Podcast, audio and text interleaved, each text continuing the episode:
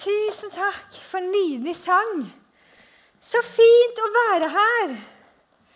Helene heter jeg, eh, som det er sagt. Jeg jobber her i kirka som ungdomspastor. Det begynte jeg med 1. august. Jeg har ikke jobbet her så veldig lenge.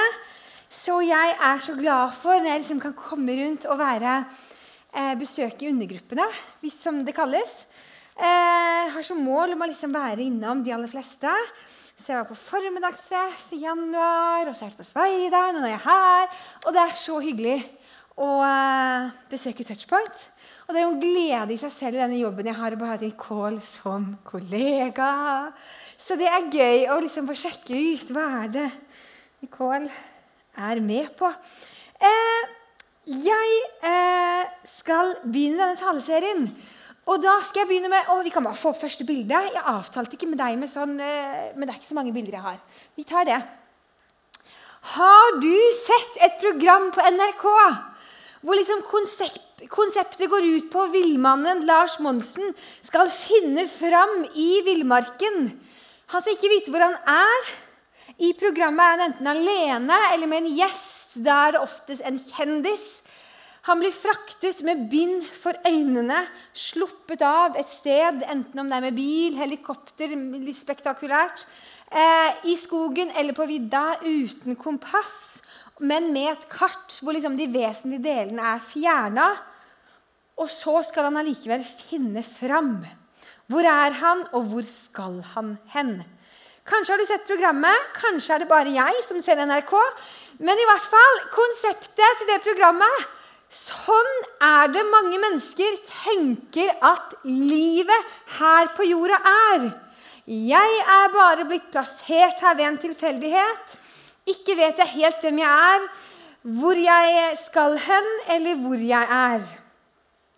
Og Så gjør man liksom litt det beste ut av det, og så går man litt rundt, og så finner man ut av noe, men eh, på langt nær alt.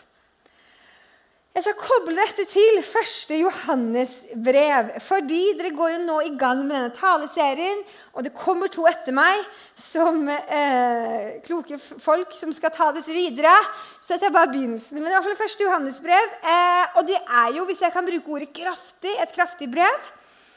Eh, jeg begynte forrige uke, og liksom nå skulle jeg forberede meg, og jeg bare leste kjapt gjennom brevet. Og så stoppet jeg helt opp ved første verset i kapittel 3. Fordi at kapittel 2 det er et ganske sånn alvorlig preg. Elsk ikke verden. Og det er liksom tydelig, og jeg trenger det. For det utfordrer meg, og jeg trenger å lese og ta det til meg. Livet mitt trenger det. Men så kommer kapittel 3. Og i det første delen av første verset så kommer tårene hos meg. Og jeg blir bare minnet på det aller, aller dypeste kallet mitt her i livet. Det er å komme til Jesus. Det er derfor jeg er her på jorda. Og vi skal lese sammen. Der var det kommet. Johannes kapittel 3 vers 1. Se hvor stor kjærlighet Far har vist oss. Vi får kalles Guds barn. Ja, vi er det. Johannes han påpeker at ikke bare får vi kalles Guds barn, men vi er Guds barn. Og dette verset her, det forteller meg at det aller, aller største privilegiet i livet, det er at jeg får være Guds barn. Og det å få være Guds barn, det appellerer til noe godt hos meg. Fordi likt for oss alle er jo at vi er, eller har vært en gang, barn av noen barn i et hus. Vi er vokst opp på et eller annet vis i et hjem. På et tidspunkt så var vi barn i det huset. Noen kanskje var barn litt lenger enn andre, noen litt lenger enn de burde. Men det kan bringe mye glede i oss, eller det helt motsatte, fordi vi har ulike erfaringer knyttet til kanskje de årene som barn. Men jeg er så heldig at selv som voksen så får jeg fortsatt liksom mulighet til å være barna til noen. For når jeg er hjemme hos mine foreldre, de bor her oppe på Frivoll, eller når vi er på tur sammen, det skjer også innimellom, så er det noe godt i den relasjonen som tilsier at jeg er barn av de. Og absolutt så er det ikke slik at jeg liksom da oppfører meg som om jeg var barn, eller at vi har like mye kontakt som da jeg var barn. For det har liksom vært viktig at selvstendighet er viktig for meg. Det har det alltid vært. Men relasjonen har jo liksom utviklet seg eh, ettersom livet har hendt. Men likevel så viskes ikke den relasjonen ut. De er foreldre, jeg er barn. Det sier noe i rollene. Men så mest sannsynlig så skal jeg jo en gang mest sannsynlig leve uten at mine foreldre er her på jorda.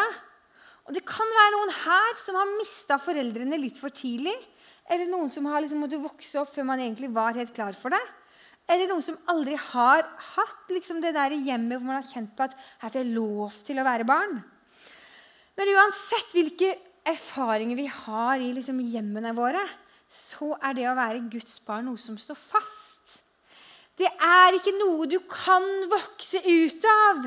Det er ikke noe du kan bli for gammel til. Og det er heller ikke noe som noen på noe som helst måte kan kunne ta fra oss. Vi er Guds elskede barn uansett hva. Gud han skapte ikke mennesket fordi at han behøvde noe å elske. Fordi Gud har alle behov oppfylt i seg selv. Den treenige Gud lever i et kjærlighetsfullt, fylt, guddommelig fellesskap. Men så har den det i seg, det som kjærligheten har. At den vil dele og invitere, og derfor skapte mennesket. Jeg vet ikke om du har eh, noen gang kommet over denne boka, 'Målrettet liv'. Rick Warren jeg har liksom den gamle versjonen. Den er sikkert litt mer fancy hvis du kjøper den i dag. Eh, han ga den ut for mer enn 20 år siden. Eh, kanskje du har lest den, til og med. Kanskje du har hørt om den. Men i hvert fall så ble den en bestselgende bok på verdensbasis. Og den er faktisk like aktuell i dag, 20 år etter utgivelsen. Originalt heter den 'Purpose Driven Life'. Boka tar for seg det aller største av de store spørsmålene som mennesker har spurt seg til alle tider. Hvorfor i all verden er jeg her? er liksom undertittelen. Og så åpner boka med denne setningen. Det handler ikke om deg. Og dette bryter jo med tidsånden som vi lever i. For noe av det som virkelig preger samfunnet vi er en del av, Norge i dag, Mennesket har satt seg selv i sentrum. Vi er selvsentrert. Og noen ganger kan flere av oss få en utfordring hvis vi skulle blitt plassert ved siden av noe annet. Så sier dette boka det handler ikke om deg. Videre så skriver han hensikten med livet ditt er mye større enn din egen personlige tilfredsstillelse. At du har fred i sinnet, ja, til og med at du er lykkelig. Det dreier seg om mye mer enn familien din, karrieren eller til og med dine villeste drømmer og ambisjoner. Hvis du vil vite hvorfor du er plassert på denne planeten, må du begynne med Gud. Du ble født ved ham og for ham. Det handler ikke om deg eller meg, men det handler om Guds kjærlighet til oss. Skal du finne meningen med livet ditt, må du venne deg til Guds ord og ikke til verdens visdom, sier Rick Warren. Videre i boka tar han for seg fem hensikter ved livet. Vel verdt å lese. Gud er kjærlighet, og det fikk han til å elske oss før vi elsket ham. Og han sendte sin sønn Jesus for å forsone seg med oss. Livet med Jesus, det koster noe. Og det vil kreve noe av oss. Jeg har snakket med mennesker som har liksom sagt at eh, vet ikke om jeg helt får til kristenlivet. Og jeg tror det dreier seg om at jeg ikke elsker Gud nok. Jeg tror ikke at det er det som er problemet. At ikke vi elsker Gud nok. Jeg tror problemet er at vi bare klarer ikke å fatte eller skjønne hvor mye han elsker oss. For når vi begynner å forstå det, da vil vi bare gjensvare den kjærligheten. Det at Gud elsker oss, det har vi kanskje hørt så mange ganger at vi nesten ikke klarer å ta det inn over oss lenger. Og så går det liksom ikke helt opp i våre tanker og mønstre om kjærligheten. I våre menneskelige øyne kan det ofte være slik at kjærligheten er begrunnet eller betinget. En begrunnet kjærlighet er slik Jeg elsker deg fordi Fordi du er snill, fordi du er flink, fordi du er det og det. Men hva skjer den gangen jeg ikke klarer å leve opp til det? Eller prestere? Eller gjøre meg fortjent til den begrunnede kjærligheten? Og så har du den betingede kjærligheten da, som sier at 'jeg elsker deg hvis'. Men hva skjer når det 'hvis' endres, og jeg ikke får til det? Betinget kjærlighet er liksom kjærlighet på prøve. Og så har det liksom ofte en sånn holdbarhet så er Guds kjærlighet annerledes. Guds ubetingede kjærlighet sier 'jeg elsker deg'. Punktum. Guds kjærlighet til oss er ubetinget og ufortjent. For slik er Gud. Nå kan vi få opp et bilde på skjerm. Neste. Ja, vi har det fortsatt. ja. Eh, C.S. Lewis, har du sett bøkene Narnia? Nei, filmene Narnia? De er hyggelige. Eh, de liker jeg veldig godt. Ser det til jul. Enhver tale kan jo passe å ha et sitat av C.S. Lewis. Jeg tenkte Det må denne talen også ha. Han har sagt noe Jeg er ikke så god i engelsk, men God whispers to us in our pleasure, speaks in our consist, yeah, but shouts out in our pain. Det jeg da vil ha fram med dette, er at Gud hvisker til oss i vår Google Translate oversatte som nytelse. Jeg tenker liksom når vi har det fint, og taler i vår samvittighet, men roper i vår smerte. Og det er det jeg vil ha fram nå. Jeg kan godt ta bort det fra skjermen, for nå skal jeg faktisk dele noe litt personlig. Et vitnesbyrd. Ikke så ofte jeg har eh, Eller ikke så mange anledninger jeg har delt det, men jeg kjente at det var riktig i dag. Men som mange av dere vet her, som kanskje går i Grimstad misjonskirke, eh, går på touchpoint her, er at Misjonskirken Norge støtter prosjekter i Romania. Et av disse prosjektene er gjennom et pastorpar i byen Onesti. Her i Grimstad misjonskirke er vi litt ekstra påkoblet dette. Konfirmantene har reist på tur. Jeg var der for noen uker siden. Eh, da er det et par som heter Dorte og Cornell. De kommer her om bare et par uker faktisk, til, eh, til Misjonskirka. Jeg var med på tur sammen med da liksom fjorårets konfirmanter. så Det var i begynnelsen av oktober i dag 2022. Da var jeg ganske ny i jobben. Eh, da var jeg på tur sammen med de, for de hadde liksom ikke fått reist. For det var liksom vanskelig å reise sist vinterferie, og diverse, diverse, så det var utsatt.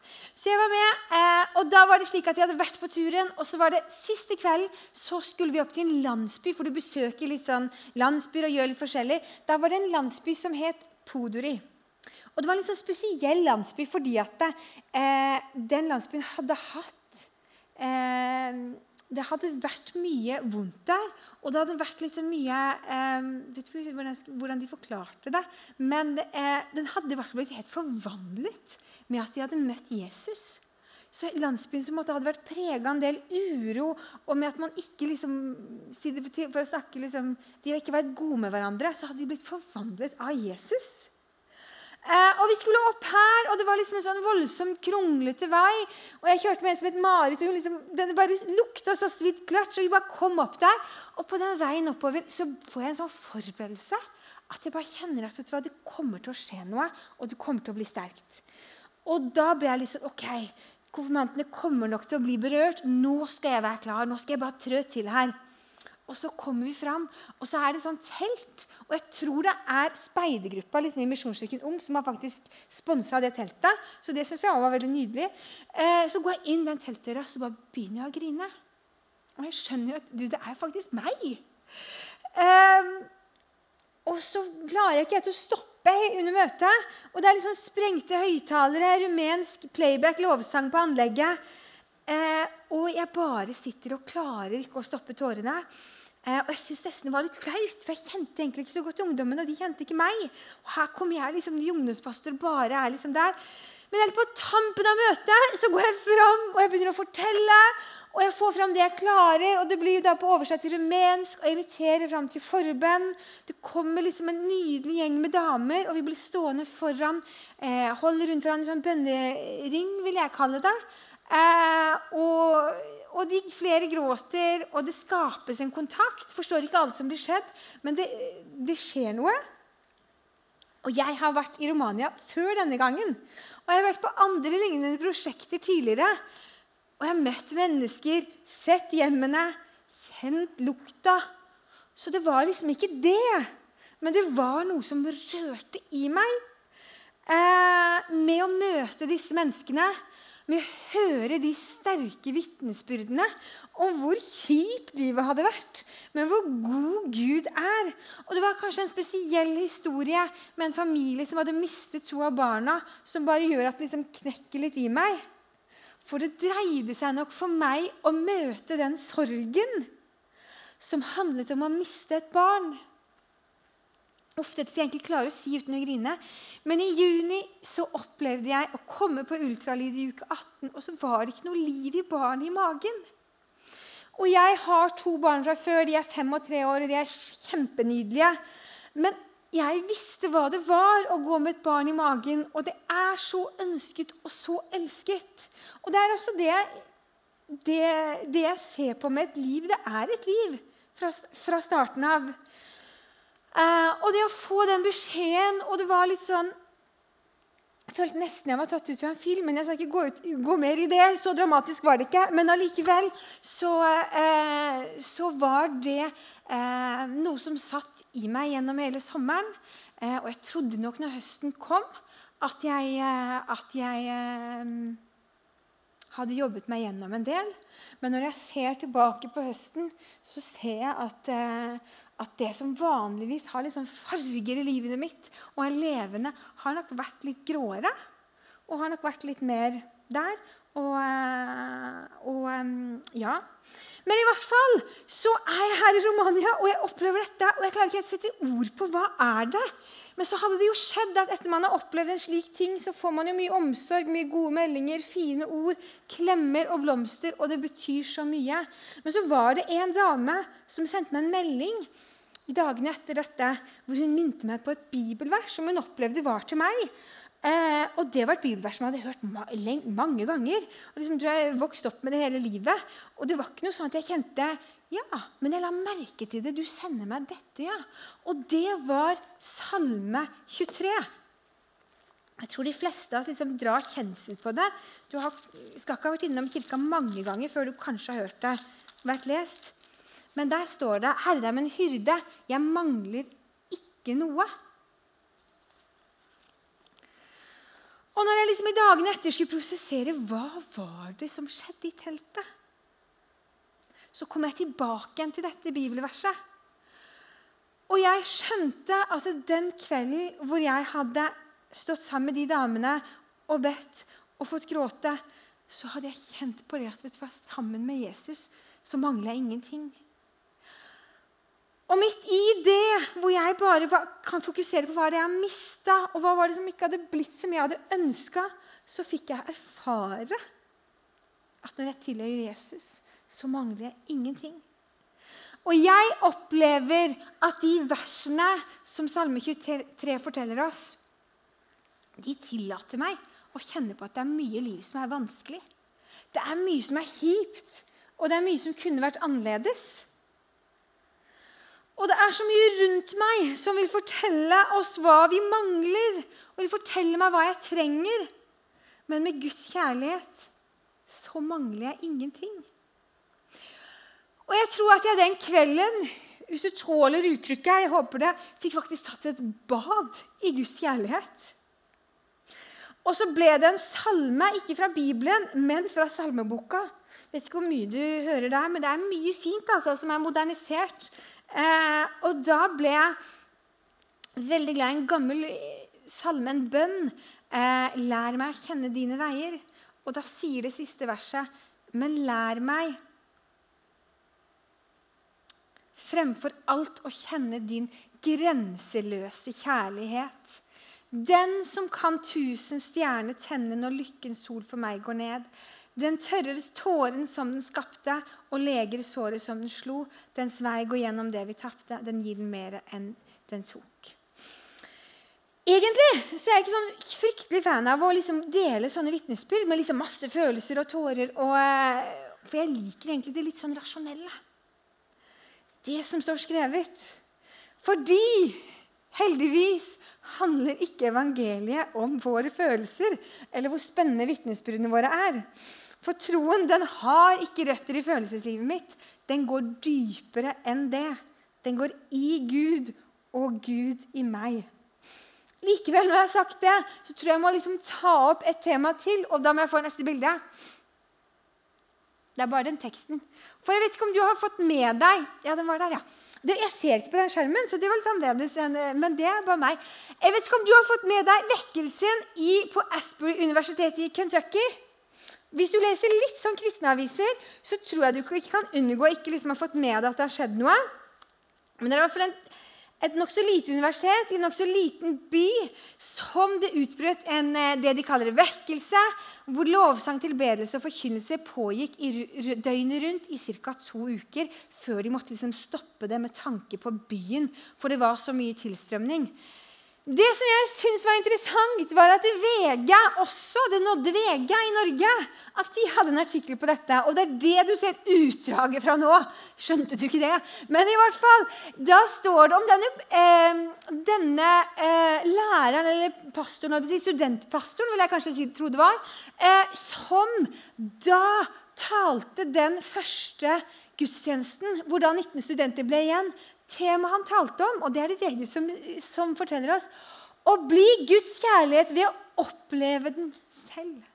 Jeg syns det var altså så nydelig. Og det jeg også syns er så nydelig med den vekkelsen, er at det er ikke noen sånn kjendispastor som er hentet inn for å liksom ta dette her videre. og for å dra. Det er bare studentene selv som har holdt det gående de to ukene, som har liksom forkynt, og de sine vitnesbyrd. Eh, vi kan ta videre, eh, eller bare et, ta over det, holdt jeg på å si. Vi kan lese og erfare Guds kjærlighet. Hele Bibelen fra perm til perm snakker om Guds ubetingede kjærlighet til oss. Det er ikke noe du kan gjøre for at Gud skal slutte å elske deg. Vi kan motta og gi kjærlighet fordi vi er skapt i Guds bilde. Gud skapte mennesker med fri vilje. Vi er frie både til å elske han tilbake, men også til å avvise han helt fullstendig. For Gud så er kjærligheten verdt det. Og vi skal få et siste bibelvers. Må dere sammen med alle de hellige bli i stand til å fatte bredden og lengden, høyden og dybden, ja, kjenne Kristi kjærlighet, som overgår all kunnskap, må dere bli fylt av hele Guds fylde. Vil du erfare Guds kjærlighet, så ligger det en åpen kilde ved korset til Jesus. Vi får en ufortjent mulighet til å leve et nytt liv. Lovsangsteamet kan begynne å gjøre seg klare. Dere er invitert til forbønn. Bakerst i salen så står det to flotte mennesker og tar imot dere. Jeg har lyst til at eh, vi skal be litt sammen mens de gjør seg klare. Og jeg takker deg, himmelske Far, jeg takker deg for at du elsker oss. Jeg takker deg for din uendelige kjærlighet til oss. Takk for at vi kan kalles, og takk for at vi er dine barn. Takk for at det ikke er noe vi kan gjøre til eller ifra det.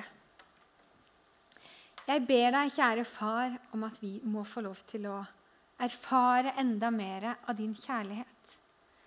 La oss få kjenne at den kjærligheten gjør noe i livet vårt. Du ser alle oss som er samlet her i dag. Du kjenner oss bedre enn vi kjenner oss selv, og du vet hva vi trenger. Jeg bare ber om at du kommer med din kjærlighet. Takker deg for at du er her. Men jeg ber om at det skal komme enda tydeligere inn i våre liv. Og jeg ber deg om at vi skal få den visdommen fra deg til å kunne forstå noe mer av den du er, og alt det du har for oss. Amen.